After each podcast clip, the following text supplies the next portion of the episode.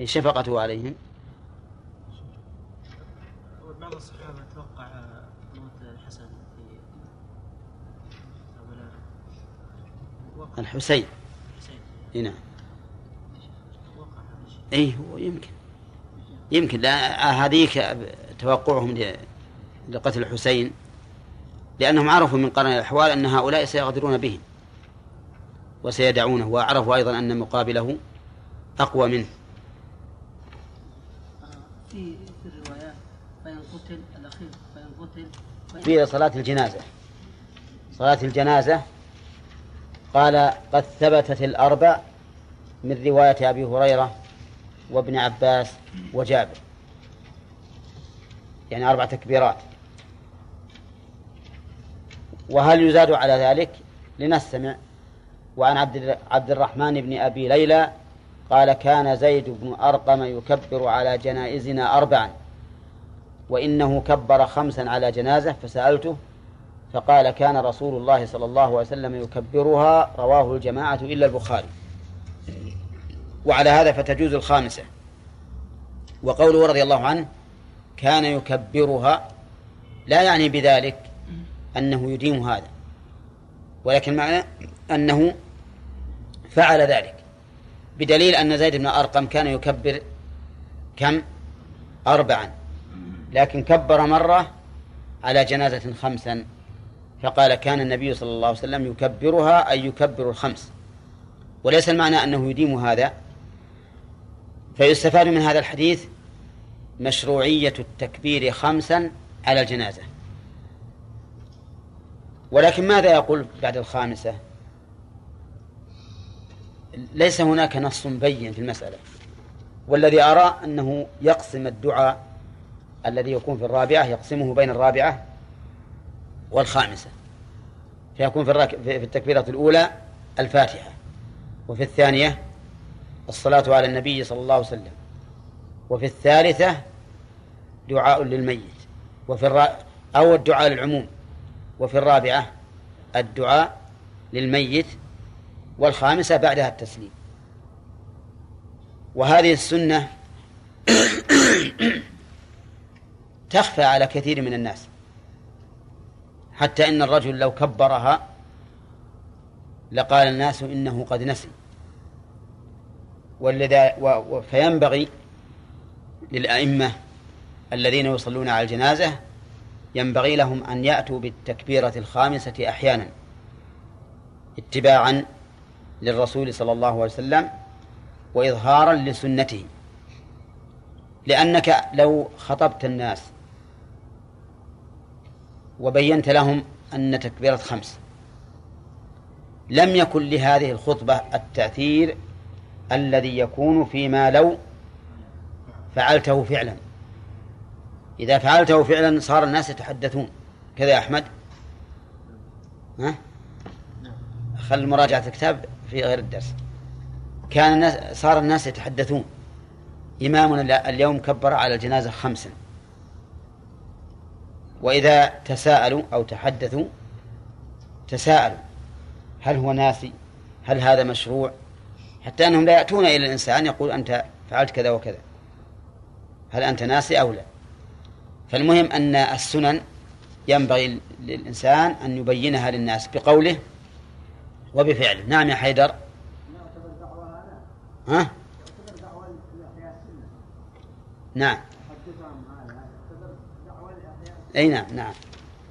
قال وعن حذيفة أنه صلى على جنازة فكبر خمسا. ثم التفت فقال ما نسيت ولا وهمت ولكن كبرت كما كبر النبي صلى الله عليه وسلم.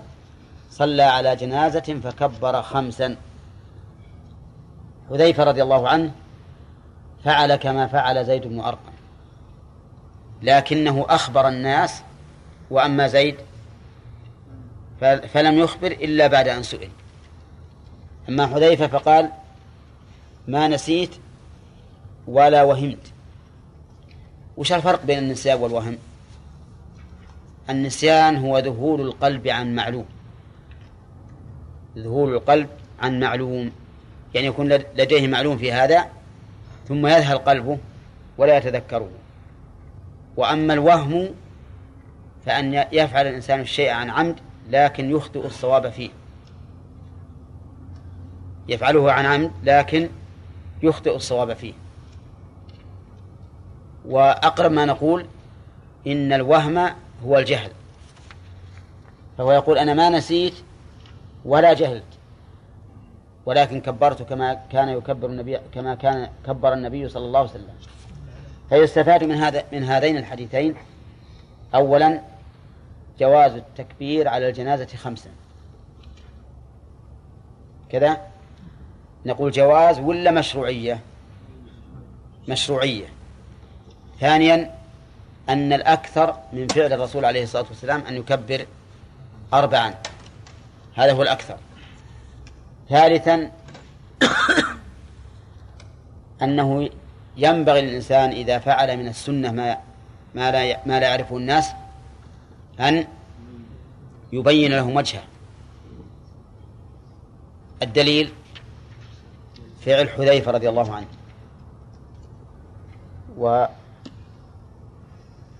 ورابعا أن التكبيرات في الجنازة أركان ولا غير أركان؟ ها؟ طيب الأركان ما يمكن ما يمكن يزاد فيها ولا ينقص ولا لا؟ وقد يقال إن هذه أركان لكنها متنوعة كسائر العبادات الأخرى التي تتنوع فهذا التشهد ركن من أركان الصلاة ومع ذلك فهو متنوع وعن علي أنه كبر على سهل بن حنيف ستا وقال إنه شهد بدرا. رواه البخاري. وعلي رضي الله عنه كبر ستا وهو من الخلفاء الراشدين الذين لهم سنة متبعة.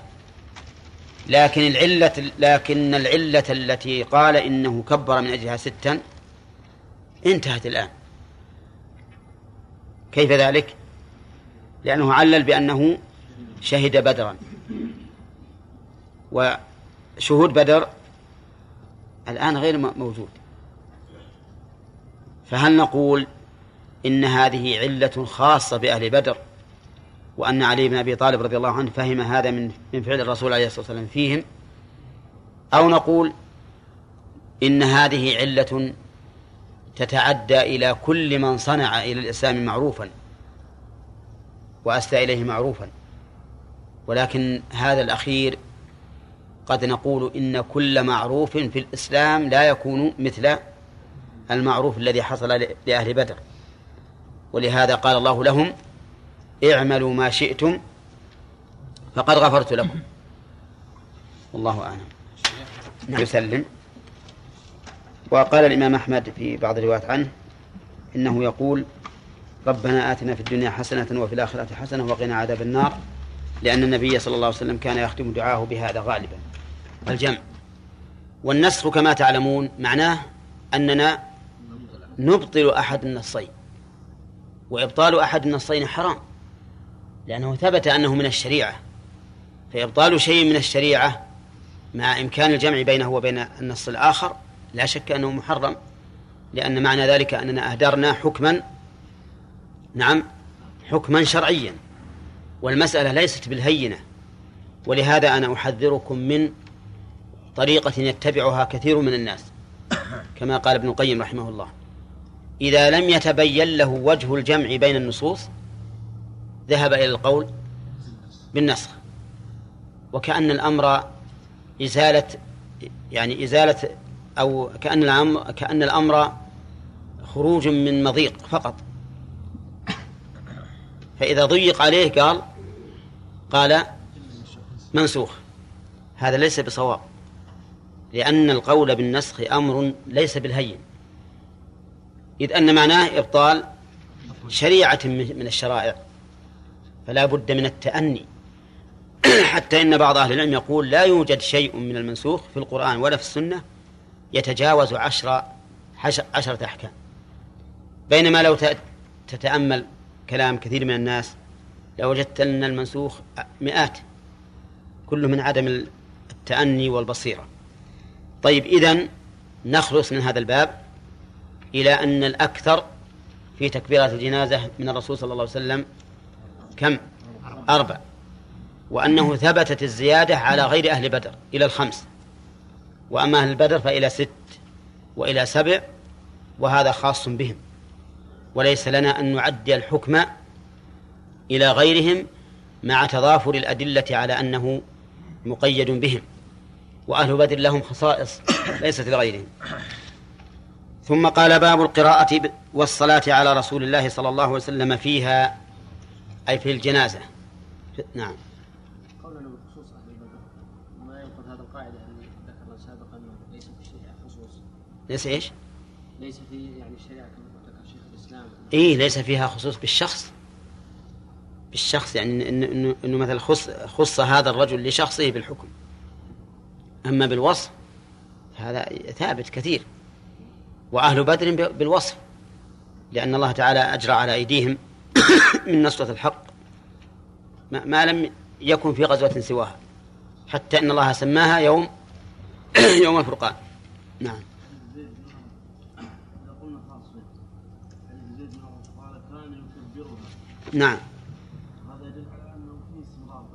لا لا. هو كان يكبرها مثل ما قلنا إنه إن كان ما تفيد الدوام. إلا غالبا. ما هو دائما قال باب القراءة والصلاة على رسول الله صلى الله عليه وسلم فيها أي في صلاة الجنازة. عن ابن عباس رضي الله عنهما أنه صلى على جنازة فقرأ بفاتحة الكتاب. قرأ يعني جهر بالقراءة. جهر بالقراءة بدليل رواية النسائي الآتية بعد. ودليل أيضا قوله لتعلموا أنه من السنة. لتعلموا أنه من السنة فهذا دليل على أنه جهر حتى سمعه الناس. وقول أنه من السنة لا يريد بذلك الجهر بالقراءة وإنما يريد بذلك القراءة نفسها. يعني لتعلموا أن القراءة من السنة. وقول من السنة أي من سنة الرسول صلى الله عليه وسلم. فالصحابي إذا قال من السنة كذا فيعني بها سنة رسول الله صلى الله عليه وسلم. ثم هل المراد بالسنة ما يقابل الواجب؟ كما هو المت... كما هو المعروف عند الفقهاء. الجواب لا. وإنما وإنما كانت السنة مقابل الواجب في اصطلاح الفقهاء رحمهم الله. فهو اصطلاح حادث. أما السنة في في كلام الصحابة رضي الله عنهم فيريدون بها الطريقة سواء كانت واجبة أم لا. وهنا من السنة الواجبة ولا المستحبة؟ ها؟ الواجبة يا أخوان لأن قراءة الفاتحة داخلة في عموم قول الرسول. لأن قراءة الفاتحة في صلاة الجنازة داخلة في عموم قول النبي صلى الله عليه وسلم. لا صلاة لمن لم يقرأ بفاتحة الكتاب. فصلاة الجنازة من الصلوات. فلا تصح إلا بفاتحة الكتاب. وعلى هذا فيكون معنى قول ابن عباس من السنة أي من السنة الواجبة. وقد سبق لنا مثل هذا. إذن يستفاد من هذا الحديث أن قراءة الفاتحة في صلاة الجنازة من هدي النبي صلى الله عليه وسلم. ثانيا قراءة الفاتحة في صلاة الجنازة ركن. ولا نأخذ من هذا الحديث. نأخذ من ها؟ من عموم قوله صلى الله عليه وسلم لا صلاة لمن لم يقرأ بفاتحة الكتاب. فإذا قلت لما لا تأخذها من هذا الحديث؟ فالجواب لأن السنة محتملة للواجب والتطوع. أليس كذلك؟ السنة محتملة للواجب والتطوع. وإذا دخل الدليل الاحتمال ها سقط به الاستدلال. لأنه مثلا إذا قال إنها تدل على أنها ركن قال لا ما تدل لأنه يمكن أن يراد بها السنة التطوع يعني. ولكن هذا الاحتمال الأخير يمنعه عموم الحديث الذي أشرنا إليه. ويستفاد من هذا الحديث جواز الجهر بما يسن الإصرار به للتعليم. جواز الجهر بما يسر به ها؟ أو بما يسن الجه... الإسرار به ها؟ للتعليم. لقول ابن عباس لتعلموا أنها من السنة. فيكون هذا من باب التعليم بماذا؟ بالفعل. والتعليم بالفعل كما قلنا مرارا أبلغ في التأثير من التعليم بالقول وأمكن في النفس لأن الإنسان يشاهد في ذهنه صورة الواقع ولو من زمن بعيد. لكن التعليم بالقول ربما يتعرض يتعرضه النسيان أو يعترضه النسيان. أما الصورة التي ترتسم بالذهن بالفعل فإنها تبقى طويلا. ولهذا ينبغي لطالب العلم أن يعلم الناس بالقول وبالفعل إذا دعت الحاجة إليه كما كان الصحابة رضي الله عنهم يفعلون ذلك. ونظير هذا من ابن عباس ما كان يفعله أمير المؤمنين عمر في دعاء الاستفتاح. سبحانك اللهم وبحمدك وتبارك اسمك وتعالى جدك ولا إله غيرك ولا إله غيرك فإنه كان يجهر به. يعلمه الناس. نعم. وهل يدخل في ذلك ما يسن أن يقوله الإنسان في الصلاة إذا كان الناس يجهلونه؟ نعم. مثل لو لو جهر بقوله سبوح قدوس رب الملائكة والروح في الركوع. لكون الناس لا يعرفون ذلك إلا في النوافل فقط. ها؟ يدخل فيه؟ نعم. لكن هذا للإمام فقط لا للمأمومين. لأن لو قلنا للمأمومين وبقى كل واحد كل مأموم يرفع صوته بل يرى حصل في هذا تشويش والإمام يباح له ما لا يباح للمأموم. ولهذا يشرع للإمام في صلاة الظهر والعصر أن يسمع الناس القراءة أحيانا. ما هو دائما يسر يعني يسمعهم الآية أحيانا كما كان النبي صلى الله عليه وسلم يفعل.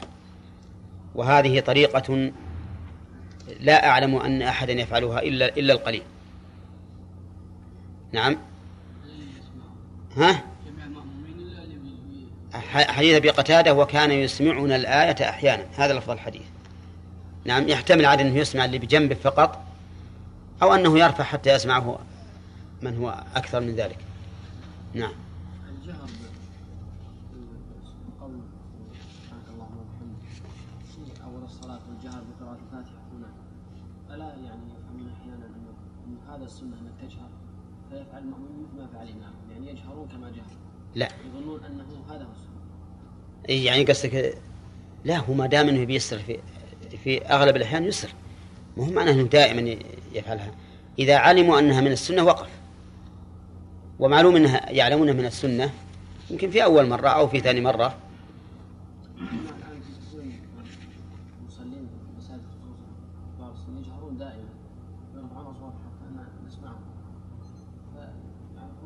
هو السبب تعلموا من كان قبلهم فظنوا أن هذا يعني. جهر دائما يعني عجيب. حتى في السر. لا هذا اتخاذها سنه خ- خطأ. يعني معناه يخالف هدي الرسول صلى الله عليه وسلم. نعم؟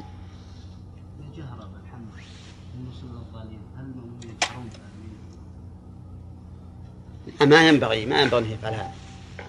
ينبغي يحترز. يعني لا يلجئ المأمومين إلى أنهم يقولون آمين. أولا المأموم لي لي ليس مستمعا لقراءة إمامه في هذه الحال.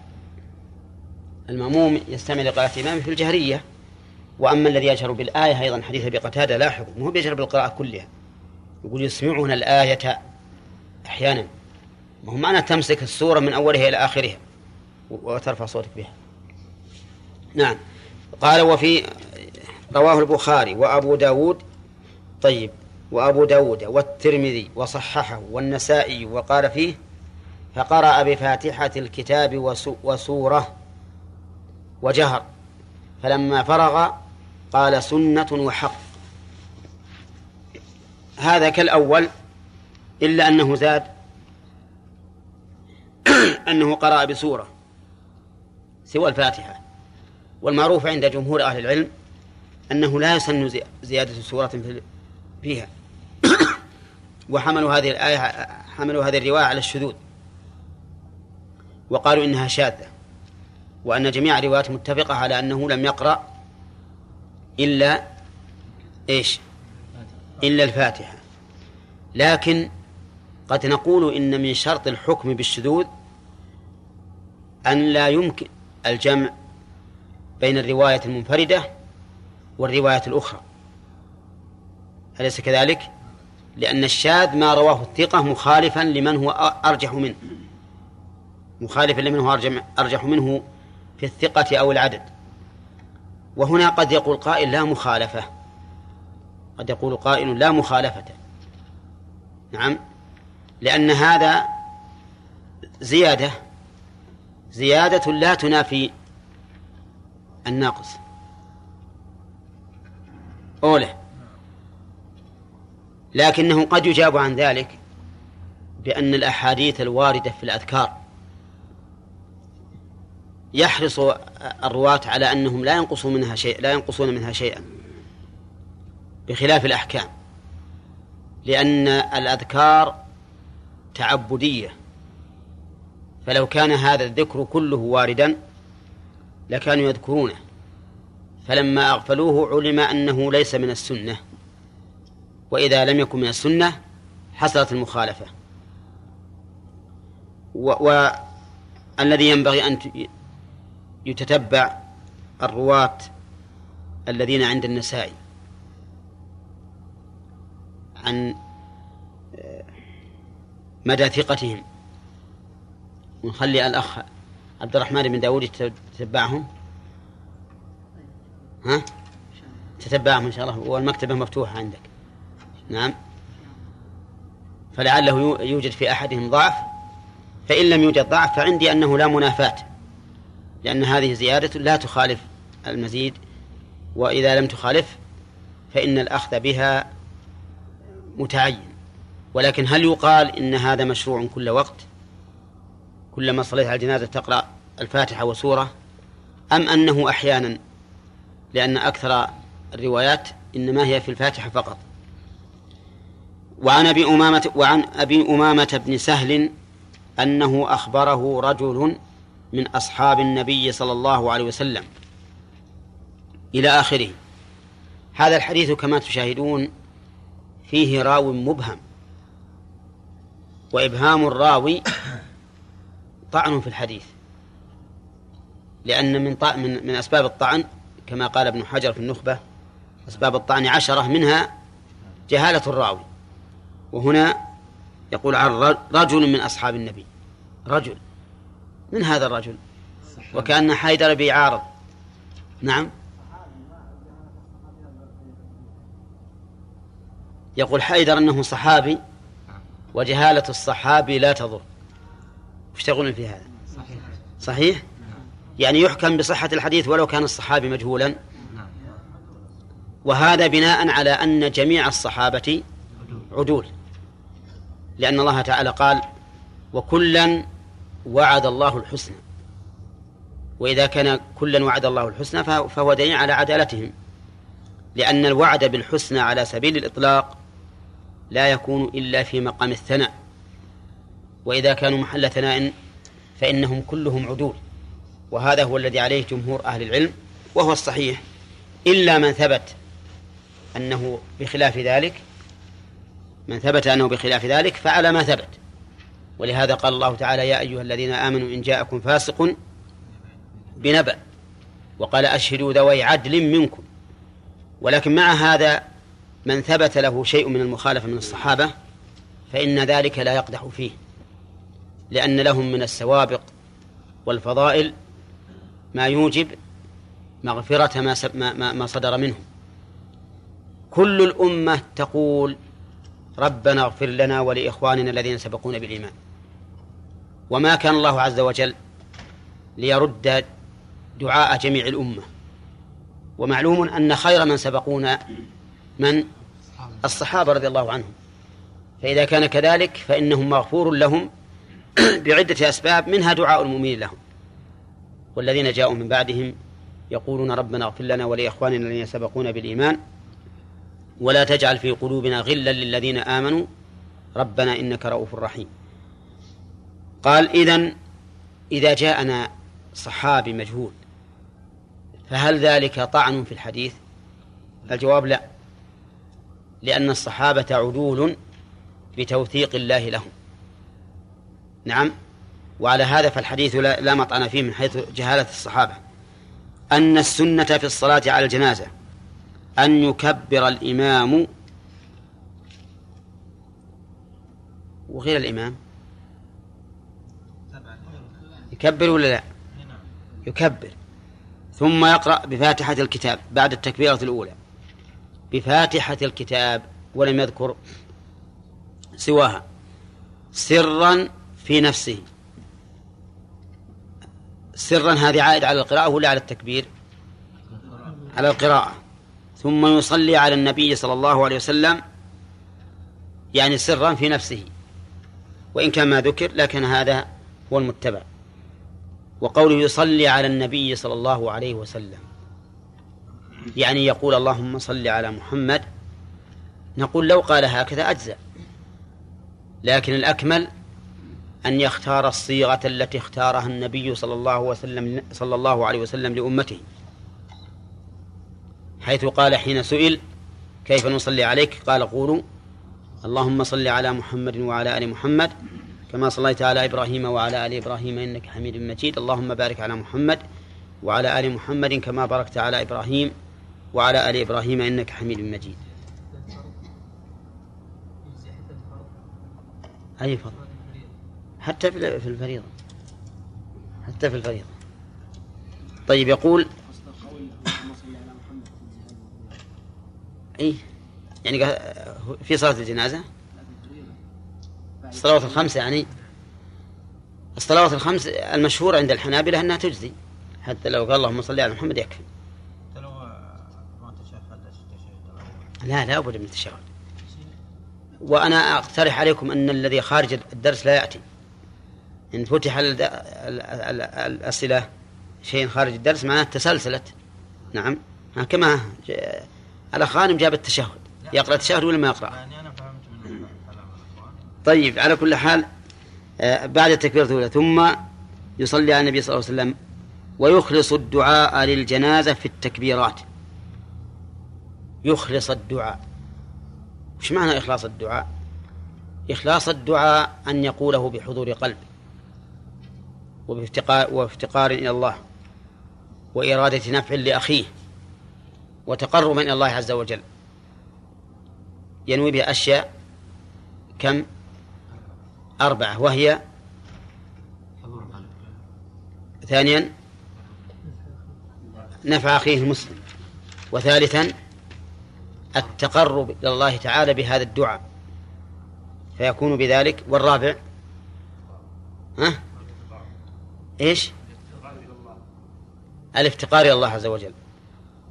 فيكون مستشعرا لذلك كله. الافتقار إلى الله عز وجل والثاني التقرب إليه تعالى بهذا الدعاء والثالث نفع أخيه المسلم والرابع أن يكون حاضر القلب لأن الدعاء من قلب غافل لا يفيد إلا أن يشاء الله. قال هذا معنى الإخلاص يخلص الدعاء. قال ولا يقرأ ولا يقرأ في شيء منهن يعني من التكبيرات الأخيرات ما يكرر القراءة. تكون القراءة في الأولى والثانية الصلاة على النبي صلى الله صلى الله عليه وسلم والثالث الدعاء للميت. وأفضل ما يدعى به للميت ما وردت به السنة. وإن دعا بغير ذلك جاز لكن ما وردت به السنة أفضل وأقوم وأبلغ في الاتباع. قال ولا يقرأ ثم يسلم سرا في نفسه. رواه الشافعي في مسنده. ومسند الشافعي رحمه الله ليس بذاك القوي. فيه أحاديث ضعيفة كثيرة. وقوله هنا يسلم سرا في نفسه. ظاهره أن التسليم يكون سرا ولكن الصواب أن التسليم يكون كالتكبير. لأنه لو سلم سرا ما عرف الناس أنه انتهى ولا بقوا قائمين ولكنه يسلم جهرا كما يكبر جهرا. طيب إذا كبر خمسا فماذا يقول بعد الخام... بعد الرابعة؟ يدعو للميت. وذكرت قبل قليل استحسان قبل هذا المجلس استحسانا مني أنه يجعل الدعاء العام بعد الثالثة والخاص بعد الرابعة. نعم. طيب. وعن وعن فضالة بن أمية ابن أبي أمية قال قرأ الذي صلى على أبي بكر وعمر بفاتحة الكتاب رواه البخاري في تاريخه. البخاري في تاريخه. غير صحيحه أه؟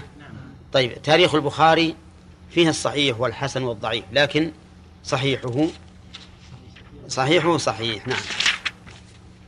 ثم قال باب الدعاء للميت وما ورد فيه.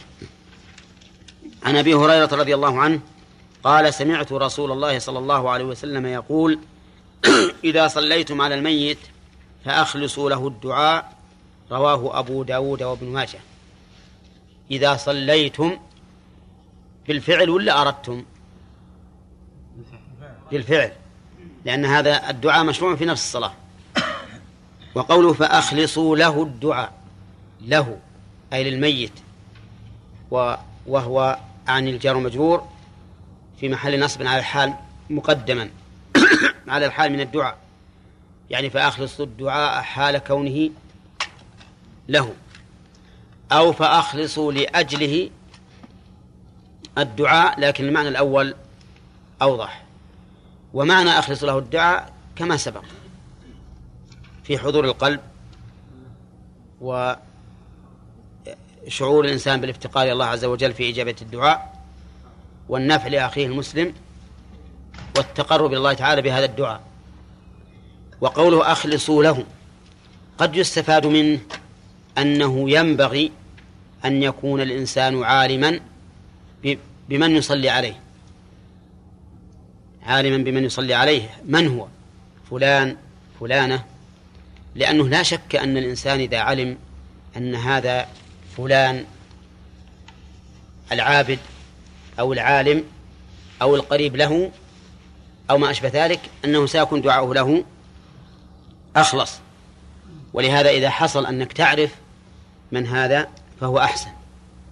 لأنه بلا شك أن الإنسان يشعر بأنه إذا كان الذي بين يديه رجل له ميزة بقرابة أو صلاح أو علم أو نفع الناس بالمال أو ما أشبه ذلك أنه سيكون دعاؤه له أخلص. وأيضا ربما إنه إذا قدم إليك جنازة وأن تعرف أنه قد قد تعرف أنه مفرط وأنه لا يصلي ولا ولا ولست تعرف عنه أنه يصلي فمثل هذا إذا أردت الدعاء له لا بد أن تقيد. كل إنسان يكون هناك قرائن تدل على أنه مرتد والعياذ بالله. ولكن ما هناك شيء بين. فإنه لا فإنك لا تدعو له دعاء جازما بل تدعو له دعاء مقيدا بشرط. فتقول مثلا اللهم إن كان مؤمنا فاغفر له وارحمه. ولا تطلق. وهذا إذا قامت قرائن قوية تدل على كفره. أما إذا كان مجرد أنه لا يصلي مع الجماعة وتظن أنه لا يصلي أبدا فهذا لا يجوز. الأصل, الأصل أنه مسلم. وتعليق الدعاء بالشرط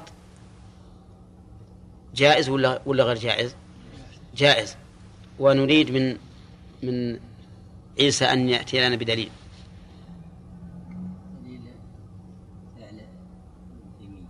لا. فعل ابن تيمية. ما هو برسول ابن تيمية حتى نقول دليل. غيره. غيره. نبي شيء غير بالرؤية. دعاء الاستخارة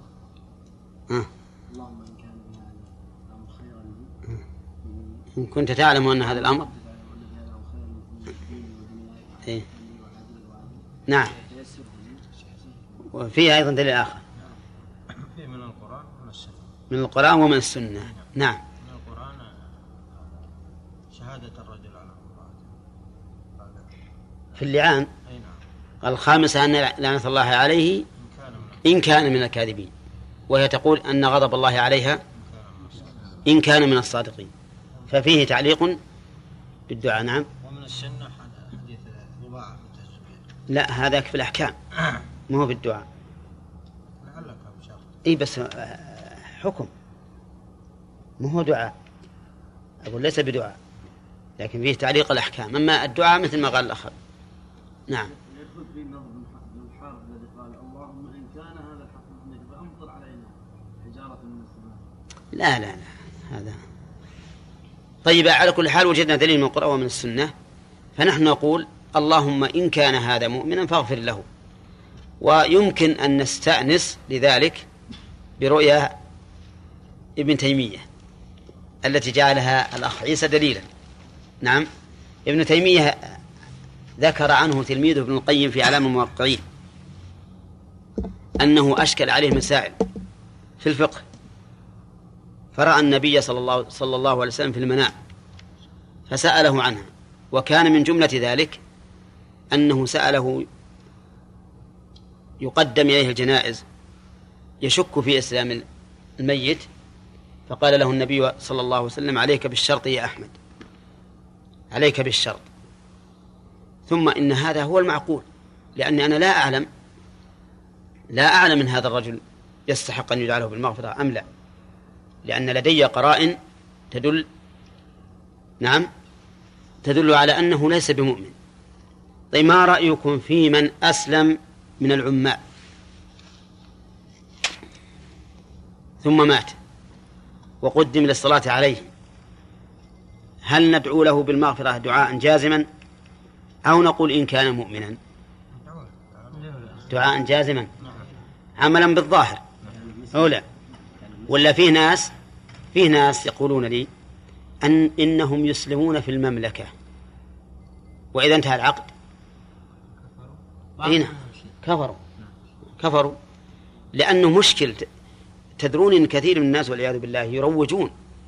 يظنون إن الإسلام والنصرانية واليهودية والبوذية مجرد أفكار. أفكار صنعها البشر. يقول هذا الفكر الإسلامي هذا الفكر المسيحي كما يقولون هذا الفكر اليهودي. طيب الجاهل وش يدري؟ والله هذا فكركم يا السعوديين حنا ما دام عندكم حنا حنا على فكركم. لكن إذا رحنا إذا رحنا عنكم حنا على فكرنا ولهذا من أضر ما يكون تعبير بعض المعاصرين بالفكر الإسلامي. عندك المفكر إسلامي لا بأس. فجل الوصل للرجل. أما أن تجعله للمعنى الإسلام مو بدين فكر. دين عقيدة من الله من الذي خلق البشر. اعتقدوا كذا وافعلوا كذا. ما هو أفكار ملفقة. والحاصل أننا أن الظاهر لي أن هؤلاء العمال وما أشبههم نأخذهم بماذا؟ بظاهر الحال. ونقول نكل سرائرهم من الله عز وجل وأنهم مسلمون. وشاهدنا وغائبنا وصغيرنا وكبيرنا وذكرنا وأنثانا. اللهم اغفر اللهم بمعنى يا الله. حذفت منها ياء النداء وعوض عنها الميم. وقوله اغفر لحينا اغفر هذا دعاء بالمغفرة والمغفرة هي ستر الذنب والتجاوز عنه. وليست مجرد الستر ولا مجرد التجاوز بل هي جامعة بين الأمرين جميعا. وقول لحينا وميتنا. انتهى كل شيء الآن. لأن لأنه ما منا أحد إلا حي أو ميت. فبهاتين الكلمتين حصل الشمول والعموم. ولكن الرسول صلى الله عليه وسلم لم يقتصر عليهما. بل زاد في التفصيل. قال اللهم اغفر لحينا. الضمير يعود على المسلمين. وميتنا كذلك يعود على المسلمين. وشاهدنا وغائبنا. الشاهد يعني الحاضر. والدليل على أن المراد بالشاهد هنا الحاضر قوله وغائبنا. لأن الكلمة قد يظهر معناها بمعنى المقابل لها. فمثلا قوله تعالى فانفروا ثبات أو انفروا جميعا. كلمة ثبات قد لا تدري وش معناها. وش معنى ثبات؟ لو قلت إيتوا ثبات فقط لذهبت تطلبها في القاموس وش معنى ثبات؟ لكن لما قال أو انفروا جميعا عرف أن ثبات بمعنى فرادى. فرادى. فالكلمة قد يعرف معناها بذكر ما يقابلها. فهنا قال شاهدنا الشاهد يطلق على معان كثيرة في اللغة العربية كالشاهد على غيره والحاكم على غيره والشاهد بالحق وما أشبه ذلك. لكن هنا المراد بالشاهد إيش؟ الحاضر لقوله وغائبنا وصغيرنا وكبيرنا. الصغير من لم يبلغ والكبير من بلغ. ويحتمل أن يراد بالصغير الشاب الذي بلغ والكبير من تجاوز الشباب. لأن الصغير الذي لم يبلغ ليس له ذنوب حتى يدعى له بالمغفرة. وقوله وذكرنا وأنثانا هذا أيضا عام. الذكر والأنثى. طيب والخنثى؟ الخنثى. ها؟ إن اتضح أنه ذكر فهو داخل في الذكور. إن اتضح أنه أنثى فهو داخل في الإناث. لكن إذا كان خنثى مشكل. ها؟ أي يدخل في, في الجمل السابقة. لكن هل ندخله في, في ذكرنا وأنثانا؟ ها؟ نعم. لأنه لا يخرج عن كونه ذكرا أو أنثى حتى لو ك... لو كان مشكل نقول هو ذكر وأنثى. لأنه إذا كان مشكلا يعامل معاملة الذكر والأنثى. أو نقول كما قال الأخ عبد الرحمن إنه نادر. والنادر لا حكم له. ولكن وأنثانا اللهم من أحييته منا فأحيه على الإسلام. ومن توفيته منا فتوفه على الإيمان. من شرطية من أحييته. والدليل على أنها شرطية الجواب. وهو قوله فأحيه. من أحييته فأحيه على الإسلام ومن توفيته فتوفه على الإيمان. لماذا غاير الرسول صلى الله عليه وسلم بين الإسلام والإيمان هنا؟ لأن الحياة عمل الحياة عمل والعمل وش اللي يناسبه؟ الإسلام الوصف بالإسلام. لأن الإسلام ظاهر والإيمان باطن. وعند الموت قد لا يتمكن الإنسان من الإسلام. يعني قد لا يتمكن من أعمال الجوارح. ويكون المدار على ما في قلبه. ولهذا قال من أحييته منا فأحيه على الإيمان. ومن جهة أخرى أن الإيمان أكمل من الإسلام. فدعا الرسول عليه الصلاة والسلام بالإيمان عند الوفاة لأنه إيش؟ لأنه أكمل من الإسلام.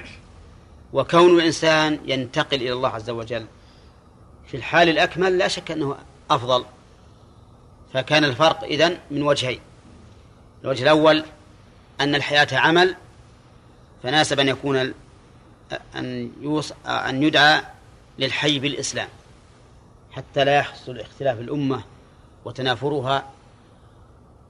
وأما في حال عند الوفاة فالإنسان لا يستطيع أن يعمل على الأعمال الظاهرة في الغالب فلهذا دعا له بالإيمان الذي هو الذي هو أو الذي محله القلب.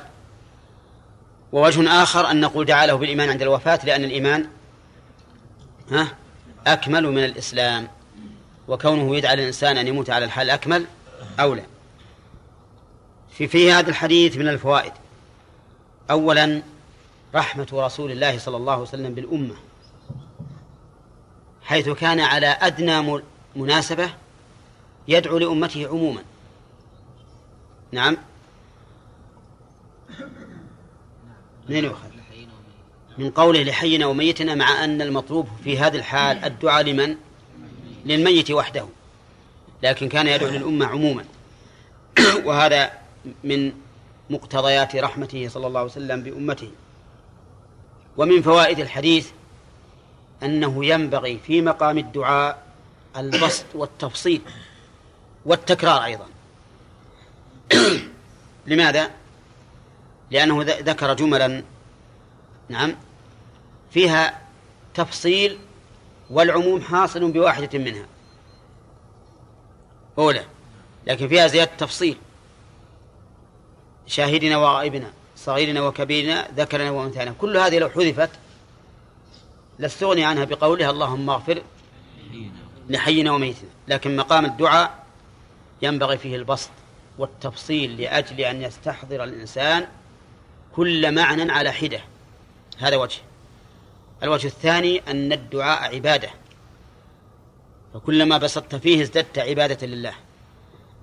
الوجه الثالث أن الدعاء مناجاة لله عز وجل. وكلما حصلت المناجاة بين الحبيب ومحبوبه فإن ذلك أكمل. ولهذا إذا كنت تحب شخصا يمكن لو تبقى معه الليل والنهار تتحدث معه تمل ولا لا؟ ها؟ ما تمل. ما تمل. حتى إن بعض الناس يأتي مع أخيه يشيعه إلى بيته وهما يتحدثان ويمشيان الهوينة.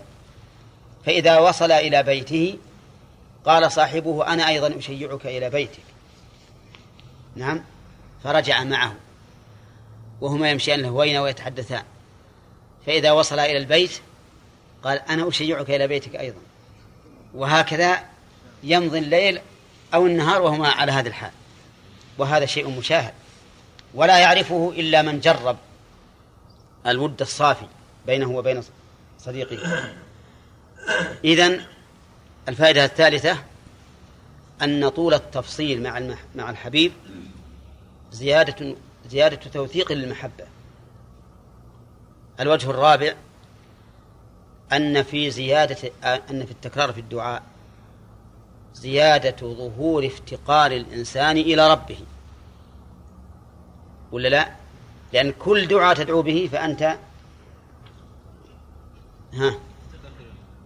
تعتقد أنك مفتقر إلى الله ولهذا تدعو تسأله عز وجل. فهذه الفوائد الأربع وربما لو تأمل الإنسان لوجد فوائد أخرى في تكرار الدعاء وبسطه. ولهذا كرر الرسول عليه الصلاة والسلام الدعاء هنا كما في قولها اللهم اغفر لي ذنبي كله دقه وجله سره وعلانيته وأوله وآخره. نعم يا حيدر. ها؟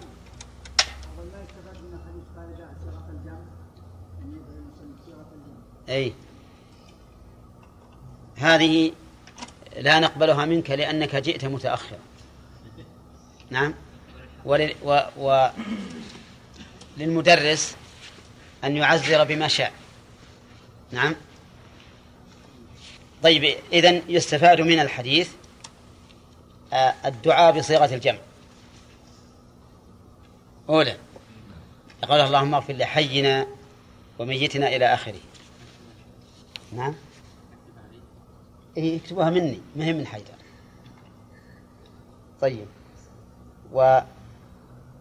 ويستفاد من هذا الحديث أن أن الإيمان أكمل من الإسلام. لأن النبي صلى الله عليه وسلم دعا به عند الوفاة التي هي التي هي أوان مفارقة الحياة. ويستفاد منه أن الحياة مبنية على الظاهر. لقوله من أحيته منا فأحيه على الإسلام. حتى لا تختلف الأمة ولا تتنازع بل تكون كلها مستسلمة لما جاء به الشرع. ورواه أبو داود وابن ماجه وقال اللهم لا تحرمنا أجره. طيب ويستفاد منه أيضا فائدة مهمة جدا وهي أن النبي صلى الله عليه وسلم لا يستطيع أن يغفر لأحد. نعم. من أين تؤخذ؟ من دعاء الله له بالمغفرة لأمته. لأنه لو كان يستطيع أن يغفر لأحد لقال غفرت لحينا وميتنا وشاهدنا وغائبنا إلى آخره. أولى إذن يستفاد منه يتفرع على هذه الفائدة ضلال من كانوا يدعون الرسول صلى الله عليه وسلم لكشف الضر وجلب النفع وأنهم من أضل الناس بل هم أضل الناس صح لأنهم دعوا من لا. من لا يستجيب لهم قال الله تعالى ومن أضل ممن يدعو من دون الله من لا يستجيب له إلى يوم القيامة وهم عن دعائهم غافلون. يتفرع على هذا فرع ثاني بيان ضلال من دعا من دون رسول الله صلى الله عليه وسلم في المرتبة عند الله. مثل دعاء من يزعمونهم أولياء أو مقربون أو ما أشبه ذلك. ربما يدعون من هو أبعد الناس عن الله. وأفسق عباد الله وأكفر عباد الله يدعونه يظنونه إيش قادرا على أن يجيب دعوتهم فإن قلت إن مثل هذا قد يحدث قد يدعو الإنسان قبرا أو من يزعمه وليا ثم يحصل له ما طلب فما الجواب؟ ها؟ إيش؟ قلنا إن هذا ليس ليس هو المجيب. بل حصل هذا؟ عنده لا به. حصل عند دعائه لا به لكن الله قدره عند هذا الدعاء فتنة للداعي. فتنة للداعي. والله تعالى قد يفتن العبد بتيسير المعصية له. أولى نسيتم. هذا قررناه يا ناس مر- مرات كثيرة. قد يفتن الله العبد بتيسير المعصية له. إن أجاب على هذا حيدر شفع له. مثل؟ ها؟ لا. مثال ما يسره الله من المعاصي للإنسان افتتانا. قل تعالى يا أيها الذين آمنوا ليبلونكم الله بشيء من الصيد تنال وليكم ولما أي نعم ليعلم الله. أصحاب السبت.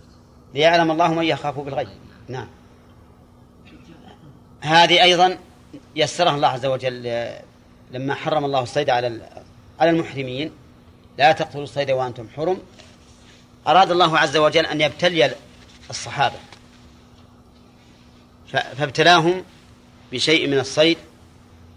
تناله أيديهم ورماحهم. الطائر ينالونه بالرمح. بعدما كان الطائر لا ينال إلا بالسهم. والجاري على الأرض ينال ينال له باليد. فكان الواحد منهم يستطيع يمسك الأرنب بيده والطير برمحه. صارت الطيور بينهم امتحانا من الله عز وجل. ولكن ما صاد منهم أحد ولا طيرا ولا, ولا, ولا أرنبا. أبدا. كلهم ما صادوا لأنهم يخافون الله بالغيب. وبنو إسرائيل لما حرم الله عليهم الحيتان يوم السبت ابتلاهم بمثل هذه البلوى. فصار يوم السبت تأتي الحيتان ها شرعا على وجه الماء وكثيرة. ولهذا جاءت حيتان تأتيهم حيتانهم وحيتان لسنا بعيدين من صيغ الجموع الدالة على الكثرة. ها؟ وشاء في حوت وقاع مع ما ضاههما وقل في غيرهما. فعلان حيتانهم يوم سبتهم شرعا. لا تظنون حينما استشهدت بالبيت إني أحثكم على أن تأخذوا بالقواعد هذه لأنها ما هي قواعد ثابتة. أقول حيتانهم جمع. كثرة ولا قلة؟ كثرة. ولا صار يوم الأحد والاثنين والثلاثة والأربعة والخميس والجمعة؟ لا تأتيهم ما يشوفونه لا شرعا ولا غير شرعا ويوم لا يثبتون لا تأتيهم مش قالوا؟ قالوا ما يمكن هذا. لا يمكن ناخذها يوم السبت لأنه محرم ولا يمكن نتركها تروح. اصنعوا حيلة. قال طيب نصنع, نصنع حيلة. ما هي الحيلة؟ ضعوا شبكا في يوم الجمعة. وتأتي الحيتان يوم السبت تدخل في الشبك. إذا دخلت في الشبك امسكها. فإذا كان يوم الأحد ها؟ فأتوا وخذوها. وحينئذ لا تصيدون في السبت ولا تفوتكم الحيتان. ماذا صنع الله بهم؟ ولقد علمتم الذين اعتدوا منكم في السبت فقلنا لهم كونوا قردة خاسئين. فجعلناها نكالا لما بين يديها وما خلفها وموعظة للمتقين. الحاصل إنها أن, أن نقول إن الله تعالى قد يبتلي هؤلاء الذين يدعون غير الله. قد يبتليهم بأن يحصل لهم ما دعوا به عند دعائهم لهؤلاء. فتنة واختبارا. ونحن نعلم علم اليقين أن هذه الدعوة لا تجاب من هؤلاء. لأن الله يقول من أضل ممن يدعو من دون الله من لا يستجيب له إلى يوم القيامة. لو يقعد يدعوه من إلى يوم القيامة ما استجاب له. والذين تدعون من دون الله لا يستطيعون نصركم ولا أنفسهم ينصرون فالحاصل إن هذا الحديث يدل على أن محمد رسول الله صلى الله, صلى الله عليه وسلم لا يستطيع أن يغفر لأحد. ومن دونه من باب أولى. ثم قال وعن عوف بن مالك رضي الله عنه قال ها؟ نعم وفي رواية اللهم لا تحرمنا أجره ولا تفتنا بعده. ما شرحنا هذا. ولا تضلنا بعده. اللهم لا تحرمنا أجره. أجر هذا الميت. هل المراد أجر المصيبة به أو أجر الصلاة والدعاء له؟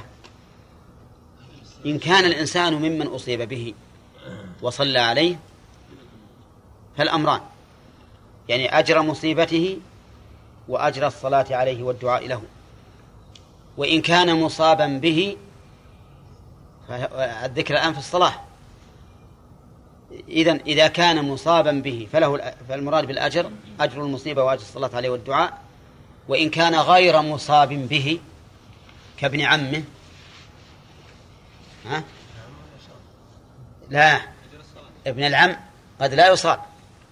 إذا كان بين ابن العم وبين ابن عمه هذا عداوة وبغضاء وابن العم فقير وهذا عنده ملايين ولا يرثه إلا هو. وش يصير؟ الغالب أنه يفرح. يفرح يقول الحمد لله اللي يحرمه ملايين وجابه لي نعم. لكن قصدنا المصاب.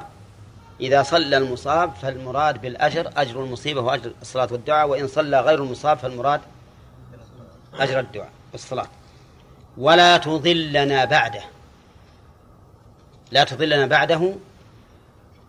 الضلال هنا المراد به ما هو أعم من الجهل. لأن عندنا ضلال وغي وعلم أو هدى ورشد. فالضلال يقابله العلم والغي يقابله الرشد. والرشد حسن التصرف. والمراد لا تضلنا بعد هنا يعني لا تضلنا بأن تفقدنا العلم ولا تضلنا بأن تفقدنا الرشد أيضا. لأن الإنسان قد يضل عن الحق إما بجهله وإما بغيه. فإذا وفق للعلم والرشد فهذا هو التوفيق التام. وفي قوله ولا تضلنا بعده دليل على أن المسلمين مع بعض بعضهم مع بعض متعاونون على الهدى. اجلس لا لا تتكل متعاونون على الهدى. لأن كلمة بعده تدل على أنهم كانوا حين وجوده. ها؟ على الهدى والصلاح. ولا سيما إذا كان الميت صاحب سلطان وعلم. فإنه إذا مات ربما يحصل للناس بعده ضلال كثير. كما أخبر النبي عليه الصلاة والسلام إن الله لا يقبض العلم انتزاعا من صدور الرجال وإنما يقبضه بماذا؟ بموت العلماء. ثم قال وعن عوف بن مالك رضي الله عنه قال سمعت النبي صلى الله عليه وسلم وصلى على جنازة على جنازة. سمعت وصلى. هذه جملة وصلى جملة حالية على تقدير قد أي عندي وصل. أنا عندي بالواو يا النبي صلى الله عليه وسلم صلى على جنازه وش بعد؟ يقول اللهم لا عندنا وصل. سمعت النبي صلى الله عليه وسلم وصلى هو الظاهر. يعني سمعته صلى على جنازة. ما الصلاة ما هي بتسمع. إلا أن يقال صلاة تسمع بالتكبير. سمعت المهم على النسخة اللي عندي وصلى على جنازة. نقول الواو هذه للحال. والجملة حالية على تقدير. إيش؟ قد. وقد صلى على جنازة. يقول اللهم اغفر له وارحم. اغفر له يعني ما اقترف من المعاصي والذنوب. وارحمه بأن تجزل له الثواب على ما فعل من الطاعات.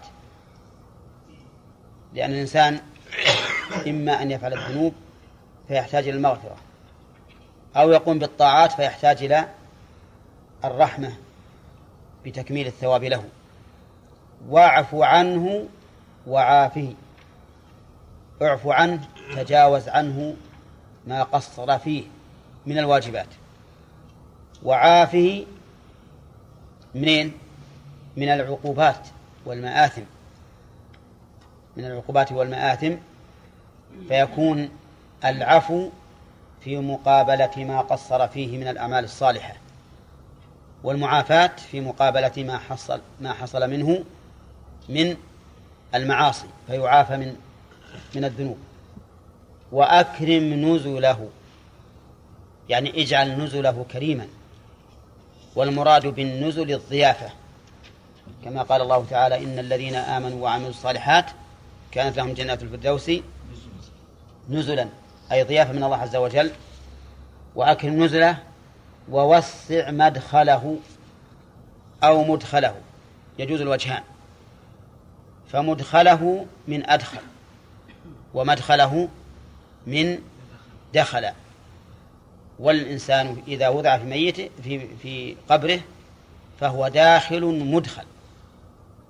فالناس أدخلوه وهو داخل فيكون مدخله شامل الأمرين مدخله إذا كانت من دخل ومدخله إذا كانت من أدخل والمراد وسع قبره.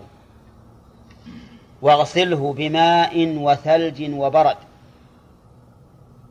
اغسله يعني طهره من الذنوب بالماء والثلج والبرد.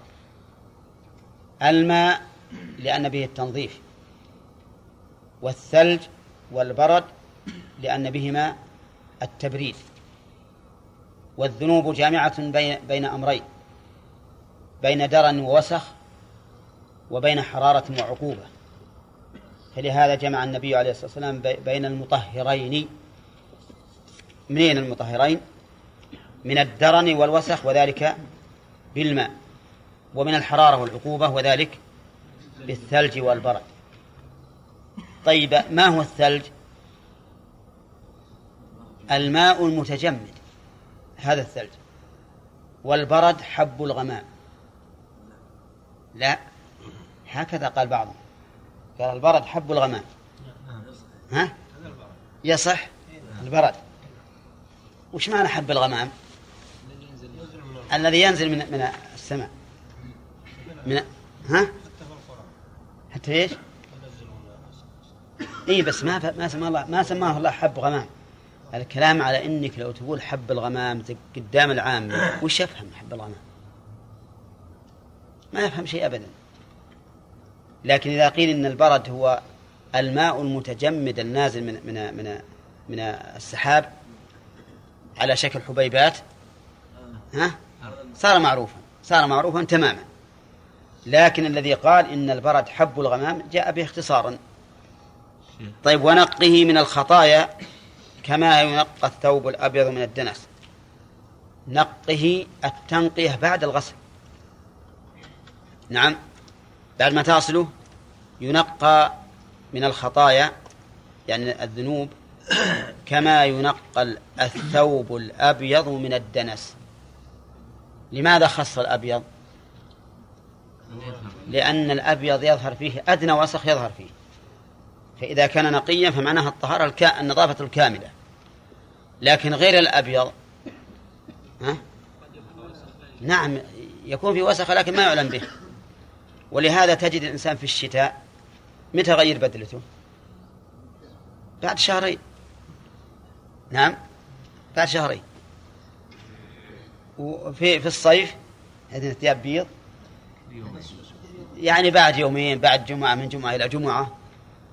أو ما خلي واحد الليل وواحد النهار فالحاصل إن الأبيض يظهر فيه الوسخ ظهورا بينا.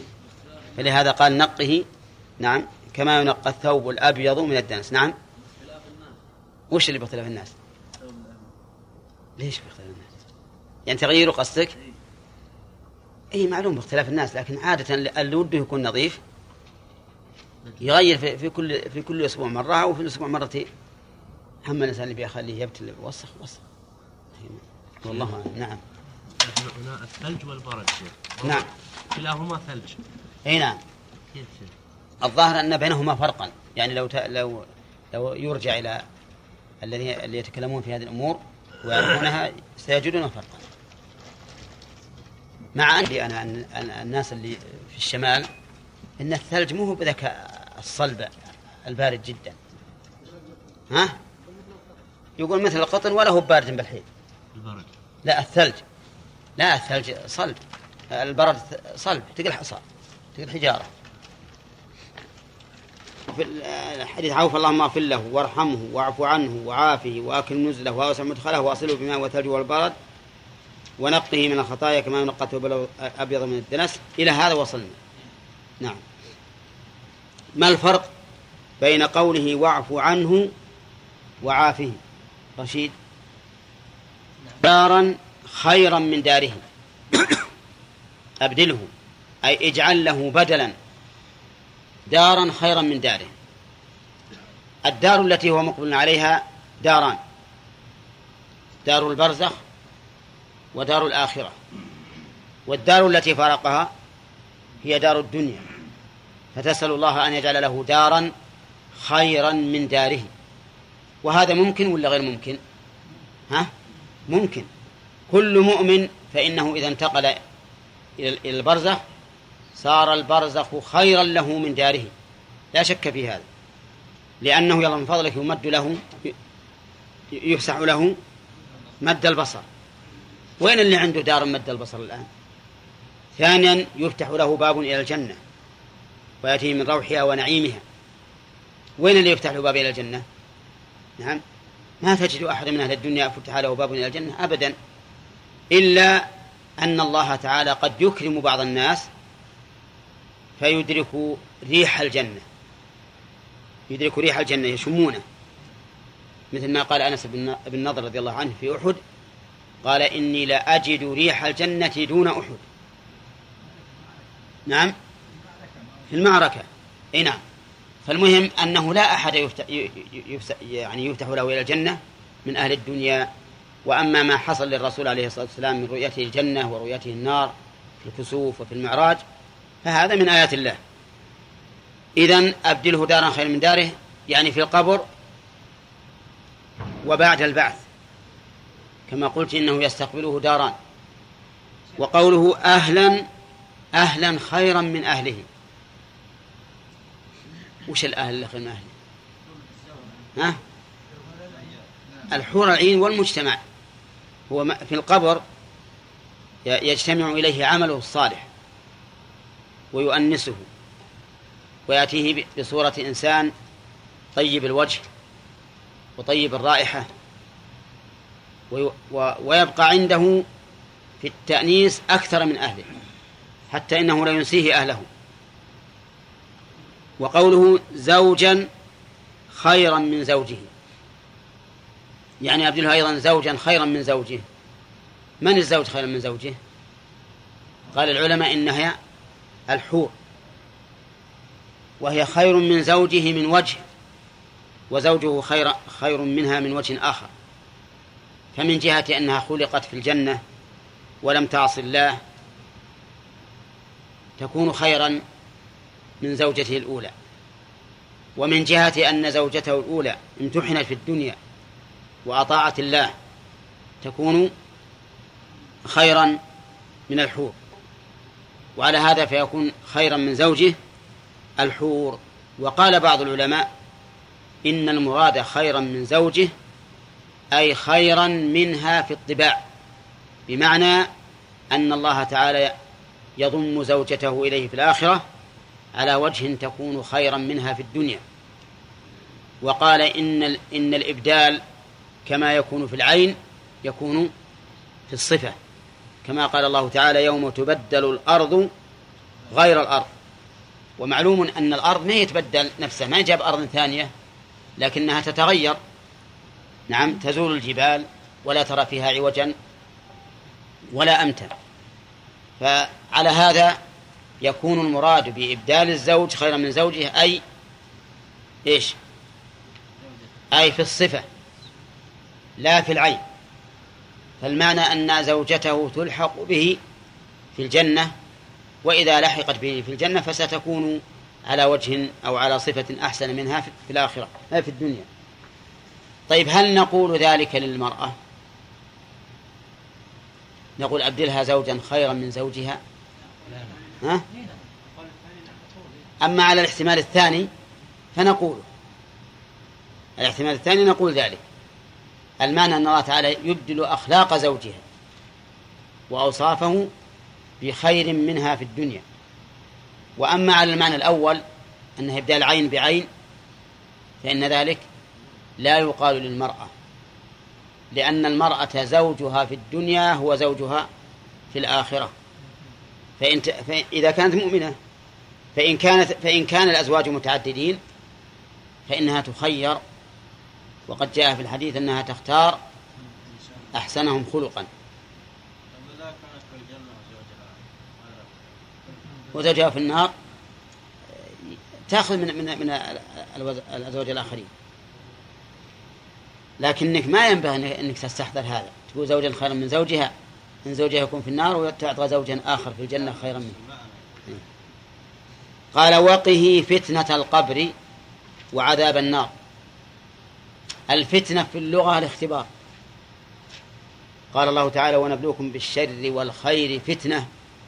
أي اختبارا. وفتنة القبر هي سؤال الملكين الميت عن ربه ودينه ونبيه. فإنه إذا دفن وتولى عنه أصحابه أتاه ملكان فيسألانه عن ربه ودينه ونبيه. فيقول المؤمن رب الله ودين الإسلام ونبي محمد. وأما الكافر أو المنافق فيقول ها ها لا أدري. سمعت الناس يقولون شيئا فقلت. وفي قوله ها ها لا أدري دليل على أن هذا الرجل كأنما نسي شيئا ويريد أن يتذكره. يقول ها ها ثم أخيرا يقول لا أدري. ومعلوم أن الإنسان إذا نسي شيئا وحاول أن يتذكره ولم يذكره كان أشد وقعا في نفسه مما لو كان جاهلا به من الأول. ولا لا؟ لأنه إذا نسيه بعد أن كان ذاكر عالما به صار كأنما فاته الشيء بعد الحصول عليه. كأنها دراهم سرقت من مخباته. ولكنه إذا كان جاهلا من الأول لم يتأسف على شيء لأنه جاهل. يقول ها ها لا أدري سمعت الناس يقولون شيئا فقلت. إذن إذا كان الفتنة. هي سؤال الملكين الإنسان عن ربه ودينه ونبيه. فكيف يسأل النبي صلى الله عليه وسلم يسأل الله أن يقيه فتنة القبر مع أنه لا بد منها. وهل هذا إلا اعتداء في الدعاء؟ إذا سئل الإنسان إذا سأل الإنسان ربه أن يرفع عنه أو يقيه شيئا لا بد من وقوعه فإن هذا يعتبر إيش؟ اعتداء في الدعاء. كما أنه إذا سأل ما لا يمكن أن يكون كان اعتداء في الدعاء. ولهذا لو قال الرجل الآن اللهم إني أسألك أن تجعلني رسولا من رسلك. شو نقول؟ هذا اعتداء في الدعاء. لأن هذا غير ممكن. المهم فتنة القبر عامة. فكيف يسأل النبي صلى الله عليه وسلم ربه أن, أن يقيه فتنة القبر؟ نقول إن المراد والله أعلم قه فتنة القبر أي شر الفتنة. وليس المراد الفتنة نفسها لأن الفتنة نفسها لا يمكن أن يوقع الإنسان منها. كل إنسان لا بد أن يسأل. وقوله عذاب النار وعذاب إيش؟ وعذاب النار. هذا في الآخرة. يعني قه عذاب النار في الآخرة. والنار هي الدار التي أعدها الله تعالى للكافرين. كما قال سبحانه وتعالى واتقوا النار التي أعدت للكافرين. وفيها من أنواع العذاب ما لا يخطر على البال والعياذ بالله. قال عوف فتمنيت أن لو كنت أنا الميت لدعاء رسول الله صلى الله عليه وسلم لذلك الميت. تمنى أنه هو الميت لا لأجل أن يفقد الحياة. فلا يكون داخلا ذلك في قول فلا يكون ذلك داخلا في قوله صلى الله عليه وسلم لا يتمنين أحدكم الموت لضر نزل به. ولكنه تمنى أن يكون ذلك الميت لا من أجل الموت ولكن ها من أجل الدعاء. كأنه يقول تمنيت أن لو كان هذا الدعاء لي. نعم. لأنه دعاء عظيم. نعم. نعم. هذا فيه خلاف بين العلماء. سيجيب. ما في إشكال. يقول نبي محمد كما هو يقول أشهد أني رسول الله. هو يقول أشهد أني رسول الله. فيجب عليه هو عليه الصلاة والسلام أن يشهد بأنه رسول. الله أعلم. الله أعلم. ولكن الظاهر أنه ما يسأل لأنه إذا كان إذا كان الشهداء لا يسألون وهم والرسل أفضل من الشهداء. نعم.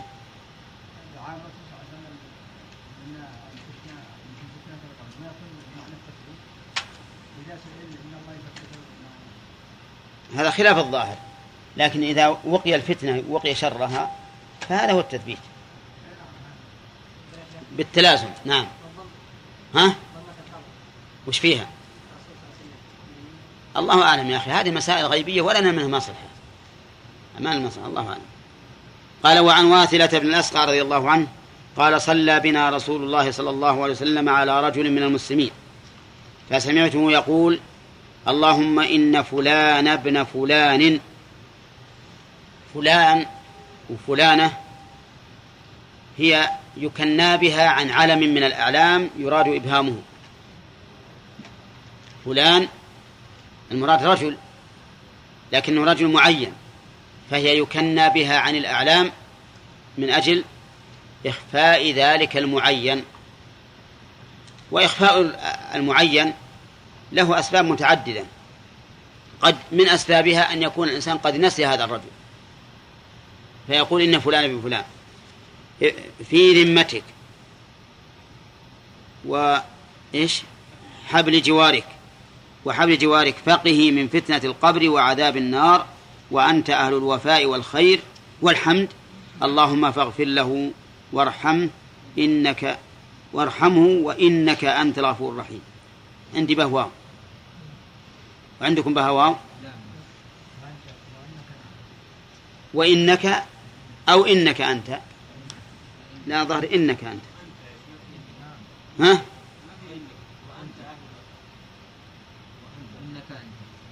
طيب اللهم اغفر له وارحمه. إنك أنت. لا الواو اشطب عليها.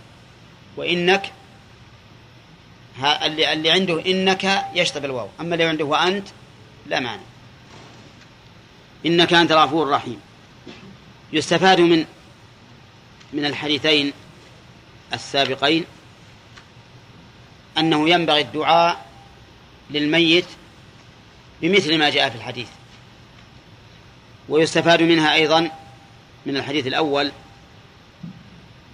تكرار الدعاء لقول اللهم اغفر له وارحمه واعف عنه وعافه والتفصيل فيه.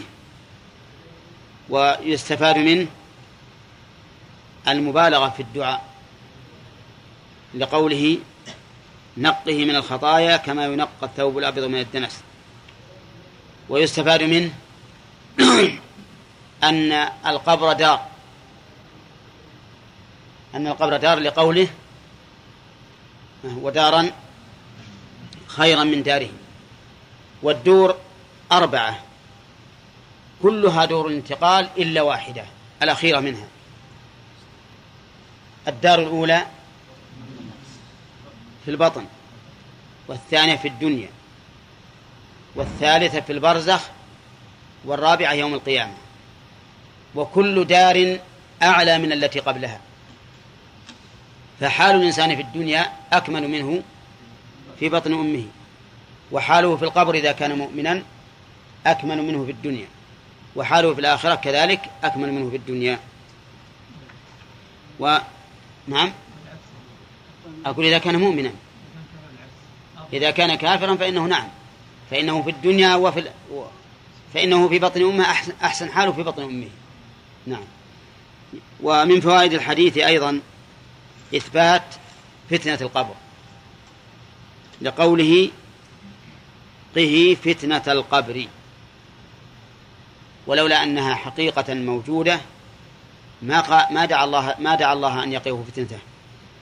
ومن فوائد الحديث إثبات النار. لقوله وعذاب النار وقد سبق لنا مرات كثيرة أن مذهب أهل السنة والجماعة أن النار موجودة الآن وأنها مؤبدة أبد الآبدين. وذكرنا أن في القرآن ثلاث آيات تدل على التأبيد. سورة الجن. ففي سورة النساء لم يكن الله ليغفر لهم ولا ليهديهم طريقا إلا طريق جهنم خالدين فيها أبدا وكان ذلك على الله يسيرا. وفي سورة الأحزاب إن الله لعن الكافرين وأعد لهم سعيرا خالدين فيها أبدا لا يجدون وليا ولا نصيرا. وفي سورة الجن ومن يعص الله ورسوله فإن له نار جهنم خالدين فيها أبدا. نعم. لا. وعشيا. ما فيها التأبيد. ما هي صريحة. طيب وأما الحديث الثاني ففي نعم. نعم.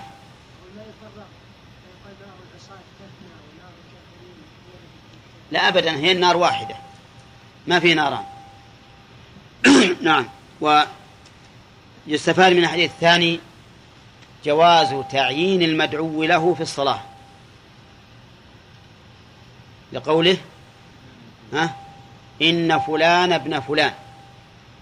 وعلى هذا فلو أن الإنسان دعا لشخص في الصلاة وعينه قال اللهم اغفر لفلان بن فلان. لم تبطل الصلاة بذلك.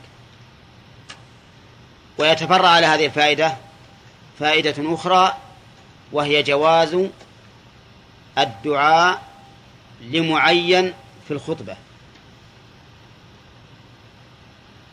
ولا لا؟ لأنه إذا جاز في الصلاة فالخطبة من باب أولى. لأن الكلام في الخطبة أهون من الكلام في الصلاة. ولكن هل هذا أمر مشروع؟ بأن يدعو الإنسان لمعين في الخطبة أو لا. ينظر إن اقتضت المصلحة ذلك فليفعل وإلا فلا. ويقال إن بعض الخطباء كان يخطب من من كتاب كتاب مطبوع في في زمن آل, آل سعود. وكان يدعو في خطبته ويقول اللهم أيد السلطان ابن السلطان عبد المجيد. أو عبد الحميد. عبد الحميد. وعبد الحميد ميت له زمان. لكن المسكين هذا يأخذ يقرأ من صحيفة. ولا يدري أن عبد الحميد قد توفي وزال, وزال وقته. طيب ويستفاد من من الحديث الثاني. التوسل إلى الله عز وجل بقربه أو بالقرب منه. لقوله في ذمتك أي في عهدك وفي حبل جوارك. في حبل جوارك. والجوار قد يراد به الجوار المعروف اللي هو قرب المكان وقد يراد بالجوار الإجارة. كما في قوله تعالى وإن أحد من المشركين استجارك فأجره حتى يسمع كلام الله. نعم.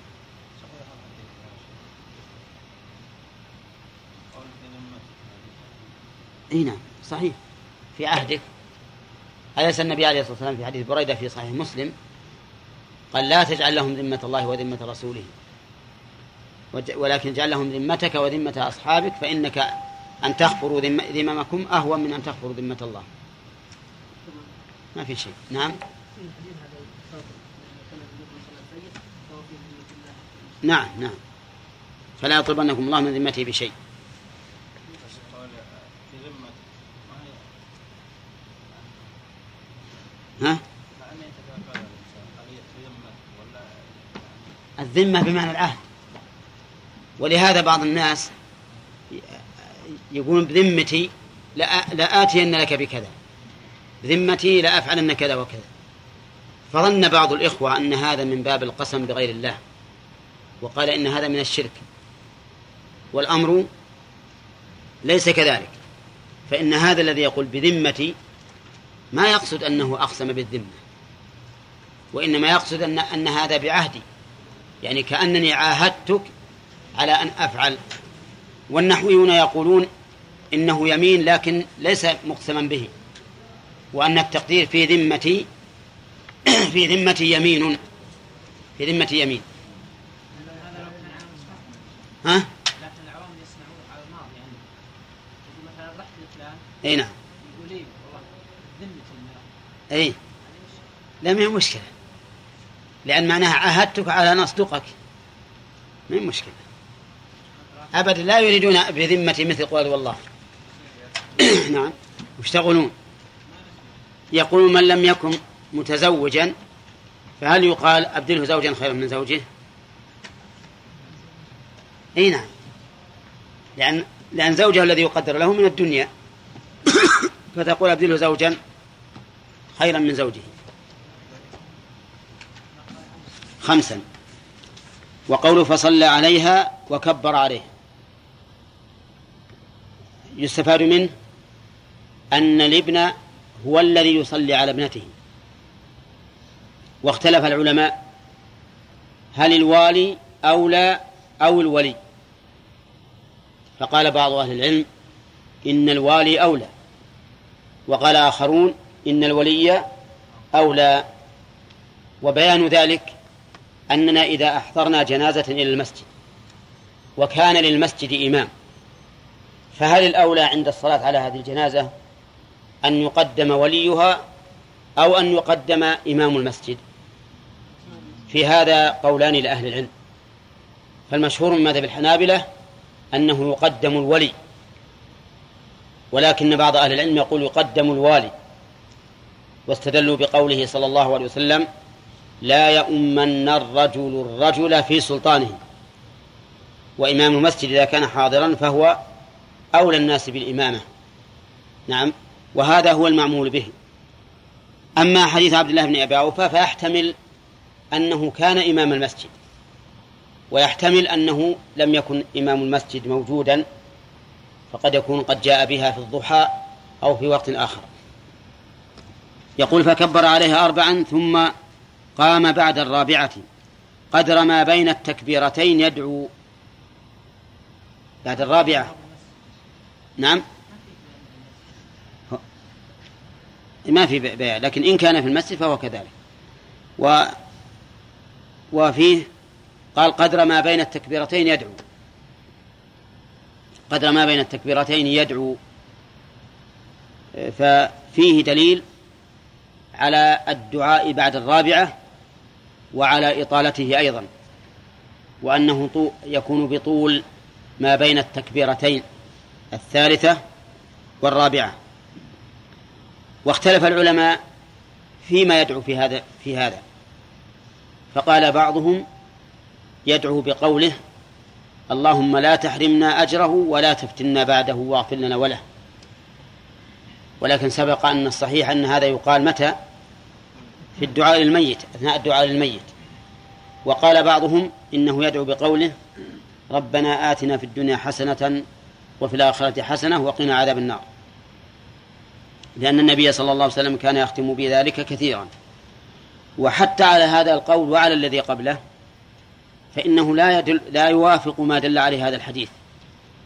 لأن هذا الحديث يدل على أنه كان كان الدعاء طويلا. فإما أن يقال إن هذا من باب اختلاف من باب تنوع العبادات. وأن الرسول صلى الله عليه وسلم كان أحيانا يدعو بعد الرابعة طويلا وأحيانا يدعو قصيرا. وهذا هو الأقرب. وأن هذا يختلف أو أن هذا يتنوع.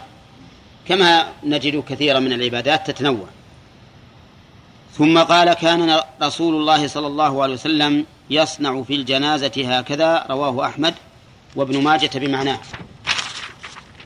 ابن ماجة يقولون الصواب ابن ماجة لأنه اسم فارسي فيبقى على ما كان عليه في الفارس.